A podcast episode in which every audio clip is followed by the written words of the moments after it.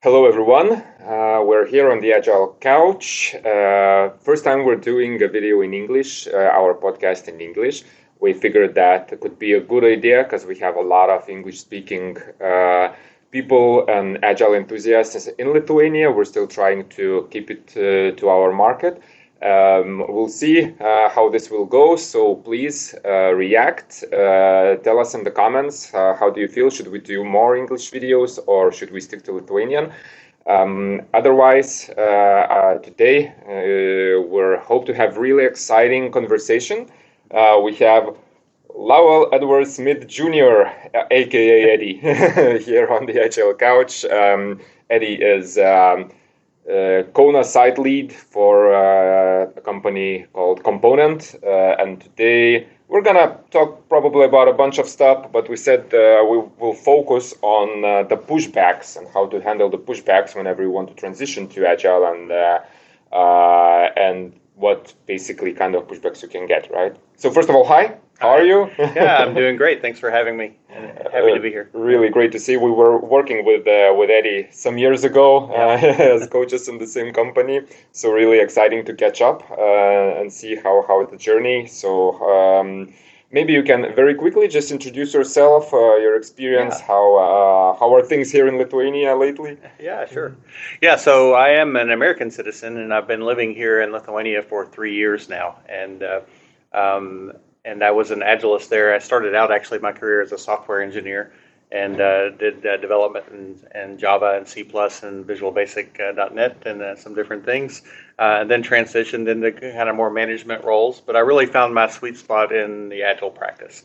And uh, so I came to Lithuania and worked where we worked together and yeah. and got to really kind of concentrate on that and uh, really develop those skills more. Yeah. Yeah. But now you're back in the management. yeah, I'm kind of back. I wear a lot of different hats now, and uh, I'm in a smaller organization now. I'm not in a, a large enterprise. Our yeah. uh, component is around 50 employees, uh, yeah. primarily here in Lithuania and in Norway. And uh, so I do some sales. Uh, I do some. I do a lot of agile practice, even though I don't wear an agile title anymore. Um, and then I do recruiting and a lot of running the office kind of thing. So it's a lot more comprehensive of a role that I'm in now. Okay, but sounds exciting. But I do use a lot of the agile principles that I used. I mean, I use them every day. That's part of my life uh, now. So uh, yes. uh, yeah, some of these things I, I, use, even though we don't call it, you know, agile practice or agile mindset. So. Exactly. Sometimes it's not about you know using the names or the right. titles. It's just you know living the uh, the value, the mindset, yeah, right. basically. Um, all right. So pushbacks, right? Yeah. Probably through your long years of experience in the software engineering teams, managing them, coaching them uh, you've seen you've seen pushbacks there and there. Right. Um, I will start with the question: Why usually you know people, organizations, teams tend to push back this change, this transformation to agile, its practices, and so on? Yeah, I think a lot of it is uh, uh, you hit the nail on the head. It's about change, right? So yeah. we as humans are kind of averse to change. So uh, one thing that I found effective, especially now that I'm back kind of in a more of a sales kind of a role and development, is really anchoring that to something they know. So in the old days, like in traditional project management, um, you know, they would anchor. They knew what a project manager was, right? Yeah. So even if you if you're out on LinkedIn and you see job advertisements, uh, they want a Scrum Master that's a, a project manager. That's a red flag for me, you know. uh, so uh, that they might not understand kind of the agile mindset and if they equate, but that's what they know, right? Yeah. So um, a lot of that pushback is around the unknown. So I found a lot of the job, especially as you're uh, out uh, on the very front end of an engagement for a transformation or an agile adoption, is a lot around this education piece and uh, uh, and and getting it familiar with people, uh, what they, how they get the information that they used to get. So, and and instead of the steering committees and things that they used to get their information from, this is how we do it in a natural way. You're mm-hmm. still going to get this information. You're still going to be comfortable about the decisions, but it's just a slightly different way, and, and the way of working is a little different. Yeah. yeah, but that pushback I think primarily just comes from that that change and not anchoring that with something that's kind of known to them. It's kind of nebulous and unknown. I think. Yeah, so basically, uncomf- uncomfortable with the new things, with the new ways. So yeah. Uh, let's do things as we're used to do. That's yeah. more sort of a human, just to go with the flow, right? Yeah, Probably. yeah. And the other popular thing I've seen around pushback is that maybe they've been a part of a, an implementation before that didn't go so well or wasn't yes. executed in a proper way. So, in those cases, you want to you know kind of hug them, and say, "Hey, who hurt you?" you know, so, you know. And but I think that's the point. You really want to get to where their pain is and, and where the where the pushback is coming from, what's kind of motivating uh, that. Yeah. Yeah, that's actually a very good point. Uh, we've we've been talking about that yeah. uh, a couple of weeks ago uh, with you. It's uh, I also noticed that sometimes if you have this negative experience in the past right. with agile, uh, it was maybe done wrong, or you know the mm-hmm. change was orchestrated in the wrong way. Right. Then you will get this pushback, right? Um, so it is there. It's natural, right? Mm-hmm. Um, how do we deal with them? How do how do you deal with it? I don't know what's uh, what what would be the practices. How to you know come to those that are just afraid of change and want to do things in the old ways, and how to come to those uh, who are you know had this negative experience maybe in the past. Yeah, so I think a lot of it kind of depends on if it's a top-down implementation yeah. or bottom-up, or if they, you know, if it's some kind of hybrid um, thing. So really, I mean, if it, from top-down, if it's management that's driving this, or mm-hmm. from the IT management side, you really want to kind of, I think, either perspective, you really want to get into what they what they aim to accomplish, mm-hmm. uh, and what the intent is. And um, you know, I think if it's just delivery, delivering things. Uh, you know that's maybe not a good enough reason. You want to dig a little deeper yeah. and double click on that because you can deliver a lot of things poorly. Yeah. so uh, yeah, so uh, and that's something I hear. You know, hey, we're an agile organization. We do this. We've done this for a while. We don't need you know we don't need to focus on this because we're already doing it. And mm. uh, so yeah, this continuous improvement mindset and uh, the empirical process and all these pillars of uh, agile practice are really important long term. Mm-hmm.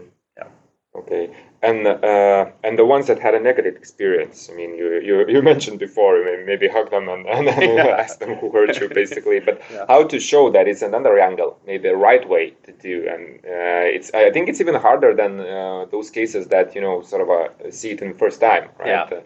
Uh, experience it in the first time because you basically uh, in this case you just need to manage the uncertainty and that right. you need to overcome the uh, the bad experience already there anything specific? Uh, yeah, I think if you can get them to articulate kind of what their goals are and why they want to go to this, um, why they want to do, go through this transformation or adopt a, a, scaling framework or whatever it is, you know, the intended outcome is, and really dig into the reason why they want to do that. They, do they want to come to market faster? Do they want to innovate more? Mm-hmm. Uh, do they want to be more predictable? Do they want higher quality? These kind of things.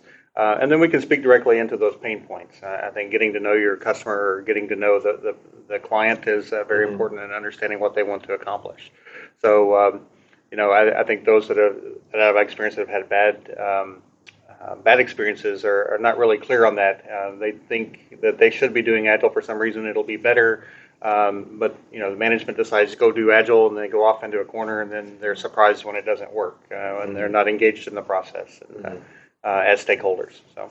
Okay. Yeah. But that's an important angle, actually. You mentioned that it's uh, you know it's a difference when it's top down, bottom up, yeah. and so uh, so which approach you know um, I probably you know it's not that it's one or the other, it's better yeah. or worse, right? But but it's different. Um, yeah. So uh, how do you see what it's more important when you go top down and when you go bottom up? Uh, what are the main uh, things then to avoid this pushback yeah, or yeah. To, to not get into that situation from the first? Yeah, and I think in my career I've had I've been a part of eight different transformations at this point, and um, the, the one that I in my mind that I that I deem as the most successful one was kind of a hybrid of those both approaches. I, I think it started actually from uh, the development team. They were mm-hmm. working in, a, in an environment that was not sustainable, yeah. um, so they were you know they were burned out and uh, you know they weren't happy about their jobs and they were constantly chasing these deadlines and these Gantt charts and uh, uh all these things. So. Yeah. Um, they were looking for a solution for this. They wanted to enjoy their work again. Um, but then they were able to kind of negotiate that with the management and say, hey, look, this, you know, so uh, once they got the management on on board, then it became kind of top down. But it really was a, a ground a grassroots kind of uh, um, evolution, and it was really kind of the perfect environment for that at the time when they had a change in leadership and they were willing to try new things. And uh, so um, yeah, so yeah, I know it's kind of a cliche answer, but if you could do both, it's probably ideal. Yeah. Uh, in my experience. Yeah, and I've been exp- um, the one that I would say was not as successful or the least successful out of those eight was one that was really driven from the top down, and mm-hmm. it was kind of like I mentioned earlier. They said, "Yeah, we need to do this agile thing.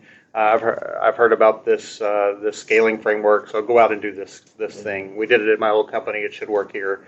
And then they l- left it alone. So okay. we didn't get a lot of top end. You know, it didn't become a mindset. It didn't become part of the culture and, and uh, those kind of things. So that one really, really floundered. It took a lot of time to get momentum for this one. Yeah, um, I can relate to that experience as well. I believe I also had a, um, uh, transformation uh, similar. Um, uh, the difference maybe was that it's actually, you know, uh, uh, it was hyping a lot, Mhm. you know, doing a lot of communication before the official, you know, transformation Sure. day one uh, and everything. And people were, you know, they had their concerns, but at the same time, they they, they were hyped. They were sort of okay. When it's it's interesting to see what what that will bring, right? Uh, could be better, could be worse. Um, uh, but it came from top down, a lot of communication preparation, training schedules, and everything, you know, being put down. And then at the same time, you know, when it was launched, basically you don't see the example Yeah. from the top managers, Yeah. right? And that is uh, where it hurts because people are looking for Yeah. uh, for that, right? Uh, after the change, they look into the seniors and say, okay, so how do you do that? Right. Um, and it's not only you know that the coaches need to guide them, but basically the leadership needs to guide them, right? And this is running into the corner is a problem. Yeah, that's right. And we work with very, very smart people, as you know. So it's uh, and they see through that, right? So and especially if you're in an organization that's been through multiple um, agile transformations or Oh, things yeah. like that, they're like, okay, this is just another marketing thing, or this is some you know that. Let's that- live through that. Yeah, well, let's do this. There'll be will be the same. one. Yeah, right, right. So yeah, and, and that's right. They see right through that. If it's not ingrained in the culture and it's not really a you know a pivot um, Mm. as far as the change in the organization goes, and it's not supported at that top level, then yeah, I- I think it has a little, it's not destined for success at that Yeah. point. I think. But getting back to those uh, unsuccessful experience or Mm-hmm. bad experience, and uh, you know, to the team level or in the, even individual level, like uh, we have, let's say, a team uh, which consists of uh, I don't know uh, amount of people, and majority of them had been through that bad Right. experience or something, right? And they just push back just because you know this is not gonna work. Right. That's that's the mindset. Okay, I'm, I've tried it. I've seen it. This is not gonna work. I'm not gonna, you know, why why you want to change it? And then you can bring those pain points, as you mentioned, right. that maybe we need to be, you know, better quality, faster, more Yeah. focused to the client. But they see, okay, I think we're, you know, we're we're fast enough, we're qualitative enough. Why? I mean, why why would we need to do this change? I know that if we move to agile, nothing changes. Yeah. Right. Basically, how do you approach those people then? Basically, Yeah, so I think it, yeah, and this may be true in some industries. I don't know if you're in a mature um, industry with not a lot of competition and you know not a lot of stress and the market conditions, then maybe you don't have to. But I don't know of a company like that. So, um, especially in larger organizations where you know if you're first to market, then you can capture this market share and these different things, and or if your product is um, you know uh, really built around quality and and being predictable and those kind of things, it's uh, really kind of a different mindset. So. Um, yeah, I think you know, as you get into those things, um, you know, these different mindsets, you know, it's a different focus from the management level and a different level of engagement um, through there. So, yeah, Um, another case uh, that could be sort of a pushbacks I've seen actually uh, lately. A team that's you know a senior team working Mhm. using their practices. Um, they're saying they, they have commitments. They deliver on those commitments. Uh, majority of them in time with the quality expected and so on. So basically, don't have much of a let's say uh, problems delivery wise, right? Uh, but then you come and see as a coach that you can basically make some improvements. But um, the comments that you get when you come so okay oh we don't want to you know do this more processes or you know different processes we adopted the process to ourselves and uh, we're good with deliveries no one's complaining Right. uh, we're fine uh, as, as much as concerns po is happy let's say Okay. right and stakeholders are happy um, but you see that you can you know sort of a push even further right, right? The team can become even better. They can be, you know, mm, deliver the value more incrementally, Right, uh, right? Or uh, maybe structure their own work better so that they're less stressed there and Right. there, even though they're happy, uh, Right. technically, right? So, you know, then basically the pushback of living with the status quo, even in the agile, Right. right? We're we're agile, right? We're doing, Mhm. we're using practices, we're uh, mm, partly agile, but we're lived up with that. We're good enough, and we don't want to go beyond yeah.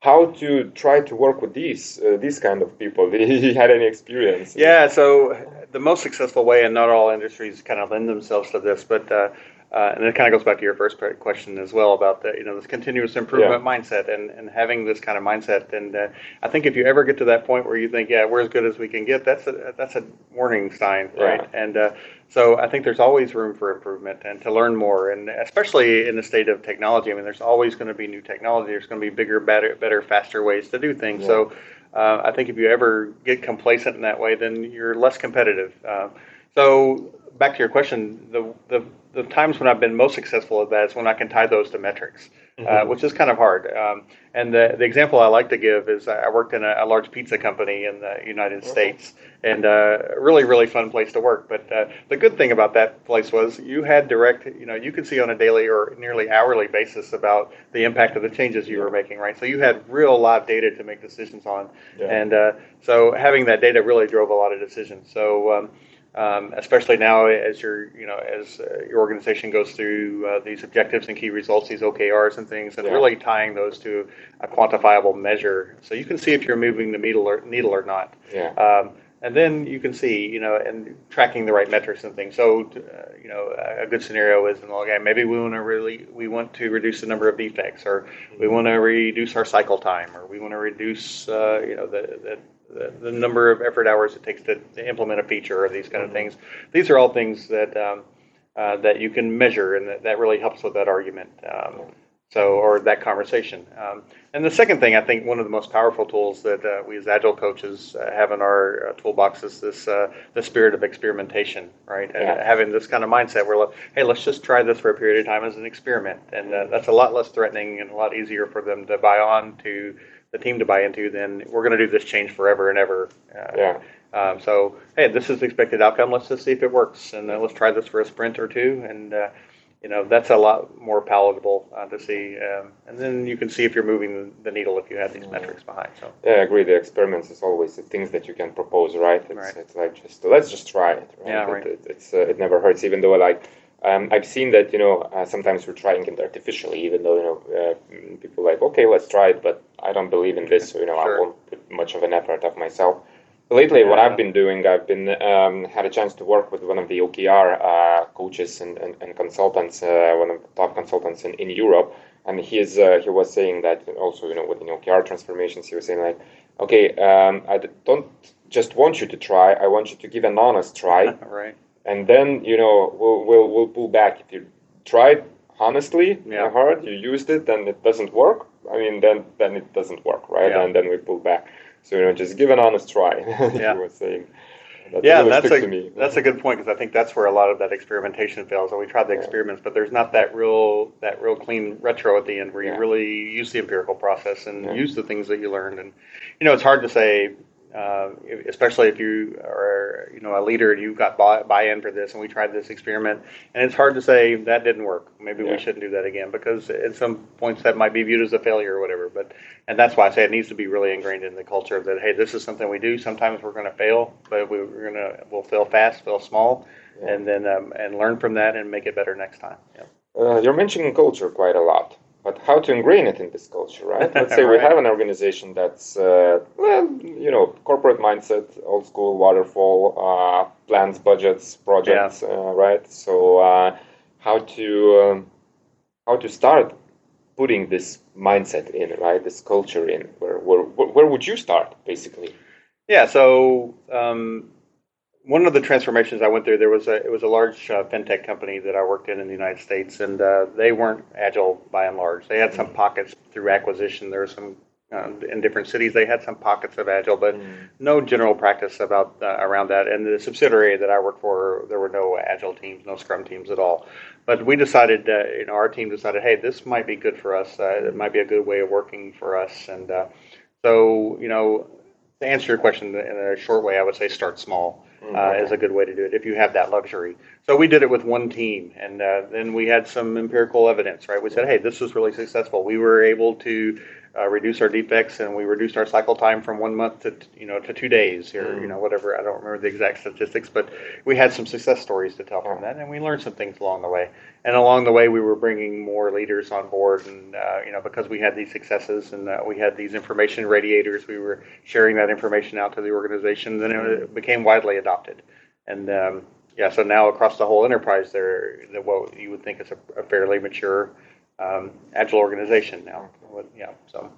Um, uh, we had a podcast last season uh, where we talked about agile in corporations and large, old, uh, you know, long history companies. Mm-hmm. And I remember that um, uh, the person I've been talking with, um, is basically said that uh, you know how they did it is that like don't focus on the ones that don't want to do it, Yeah. right? So focus on the ones that uh, that are willing to try, Yeah, yeah. and then show the ex- example. And then you know the ones that I didn't want to do it, they come back and say, "Okay, Right. I would like to be in, in, on board." Right? Right, right, right. So Yeah, I wish I'd have heard that when I was a young coach or an aspiring, you know, scrum master, because I, I think, uh, you know, that's um, maybe a trap or an anti-pattern that we fall into as young, because we want to beat people over the head with the with the scrum guide or with the, Yeah. with a framework or something like this. Uh, but I think that's one thing you learn through, you know, having been through that sometime. That uh, yeah, uh, that's really really sage advice. Uh, you know, to really focus on uh, those that are that have the energy to do that and. Uh, and the and the wherewithal to do it, and then uh, yeah, others will come on board as late adopters. So yeah. Um, also, uh, on uh, on the same note, it's a, it's a good question actually. You know, you mentioned the, the Scrum book, and um, uh, there are those sort of uh, let's say the views of how to introduce Agile, and you know, uh, one approach is saying that start doing everything by the book, Right? The Shuhari principles and, and Yeah, everything. Do as the rules say, right? And then you will learn, and then Yeah. you you know flex things out and and and uh, make pivots wherever you Right. you, you feel right. Um, however, you know there is another approach where you sort of uh, try to adapt from the get go Mhm. to what works for the team, and say Right. it's okay. So we're not you know using Scrum Guide. We're just you know some coach or someone comes and Right. and, and, and tries to you know see from the very get go Mhm. which approach do you think is, is better? And I know probably there are cases for you Yeah, know, Uh, this and that, but but generally, which is your uh, more fa- uh, favorable you know way? Yeah, I think it, it kind of depends on the existing level of maturity. So, you know, the, the book answer to there is it depends a lot, like you said. Um, you know, I, I think the, the the former approach where you the the shuhari uh, and, and learning that way has a lot of validity with me. Um, and there might be some generational reasons for that, uh, you know, because uh, you know, I tend to I come from a military background, very Yeah. hierarchical, and I like things kind of in a way.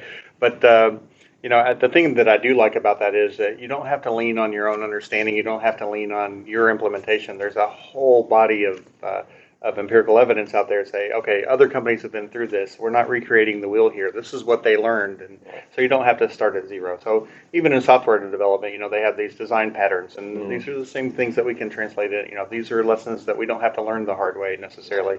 So I, I buy into that principle quite a bit. Uh, you know, understanding, you know. Um, uh, why you're doing things is very important. And I think that's where we fall short as well, uh, especially as a new uh, Scrum Master that doesn't have a lot of experience in different things, because you do things by the book, but maybe you're not doing a lot of thought about why we do those things in Yeah. the first place. Uh, you know, why are we doing? Why, why do we do estimation, for example? I mean, Yeah. why is that something we even do? And uh, um, you know, oh, we have to do it by story points, and you know, and the Fibonacci seek all that you get really ingrained in the mechanics of it without forgetting the reason behind it. Yeah. So um, yeah, I think that's very important uh, as well as you you know look at that. So yeah, a long answer to your question, but uh, you know I, I think uh, I'm more about uh, starting with a good foundation, good basics, depending on your uh, your uh, uh, maturity. The other side about that is if you have a very mature team that has some good practices and you take them back to square one, it's Yeah. they're gonna you're gonna get a lot of that pushback and they're not gonna understand or you know see the value in that. So. Um, that's why I kind of leave myself an out there. If it's a very mature team that's worked together in a Scrum fashion before, maybe you know that's not as important. Yeah. So then you just basically look what can be tweaked. Uh, That's right, to, yeah. Like pushed a bit uh, even further. Yeah. All right. We touched upon also managers, right, Mhm. and top manager, and uh, sometimes there is, uh, you know, uh, let's say it's bottom up or it starts Yeah. somewhere as a project in the middle, you know, by some crazy people in the company, Mhm. um, and the ones that needs to be persuaded is the top management, Mhm. right? Let's do, let's go this agile way, and we know that uh, usually.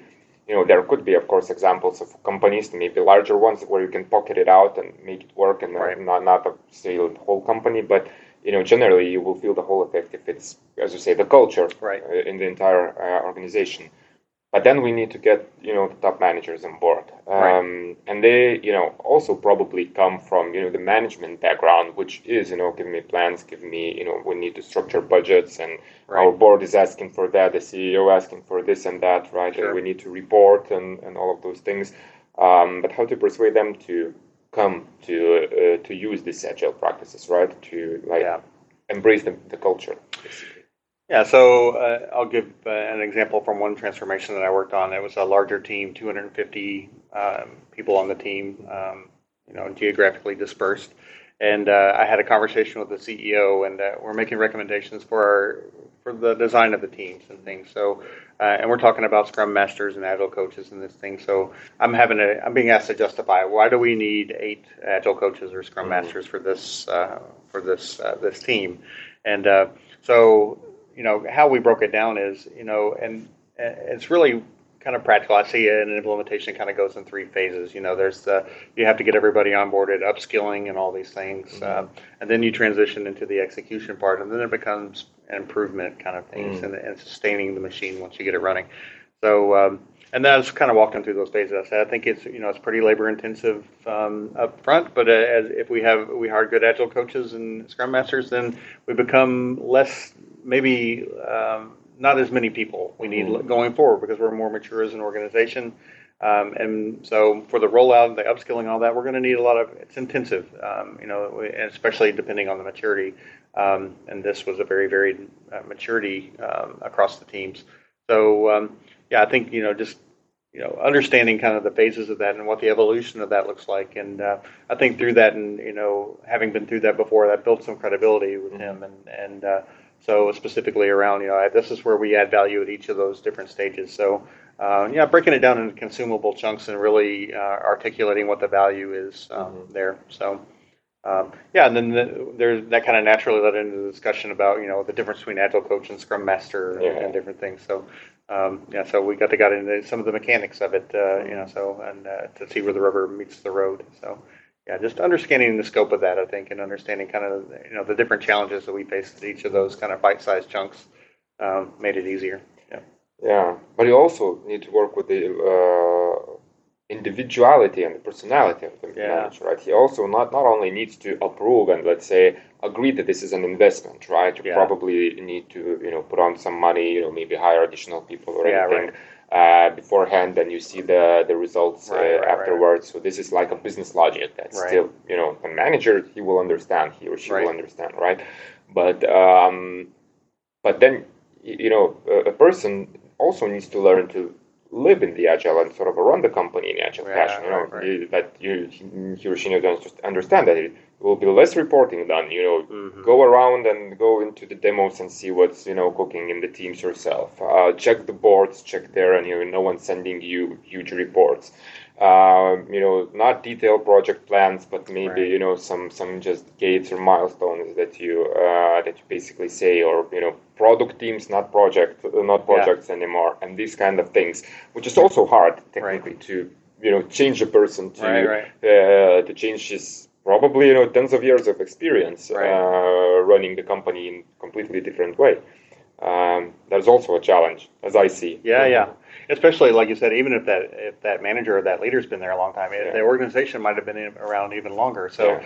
yeah. back to your point. I mean, just uh, the way that they they do budgeting and approach budgeting in a very yeah. basic level is different in an agile kind of uh, environment than it is in like a feature driven environment or something like this. Yeah. So, uh, yeah, understanding kind of uh, it goes back to kind of understanding their pain and, and kind of what their concerns are and where they are. You know, I've had the privilege of uh, working with uh, most of those senior leaders once they've decided to go through a, a transformation or at least uh, philosophically on board with mm-hmm. an agile approach to that. So, a lot of that heavy lifting has already been done a lot of times, but you know that's the kind of the reactions that, that you get is you know how is it why is this is this just hype is this just something that the latest phase or you know but really showing them where the value is and being able to develop incrementally and, and pivot and make changes and react to market conditions and all these things that agile is really known for is really kind of where it drives it home so yeah a good example um, uh, i worked with a large insurance company in the united states health insurance company and uh, they when we started there, they were traditional project management. They did two releases a year.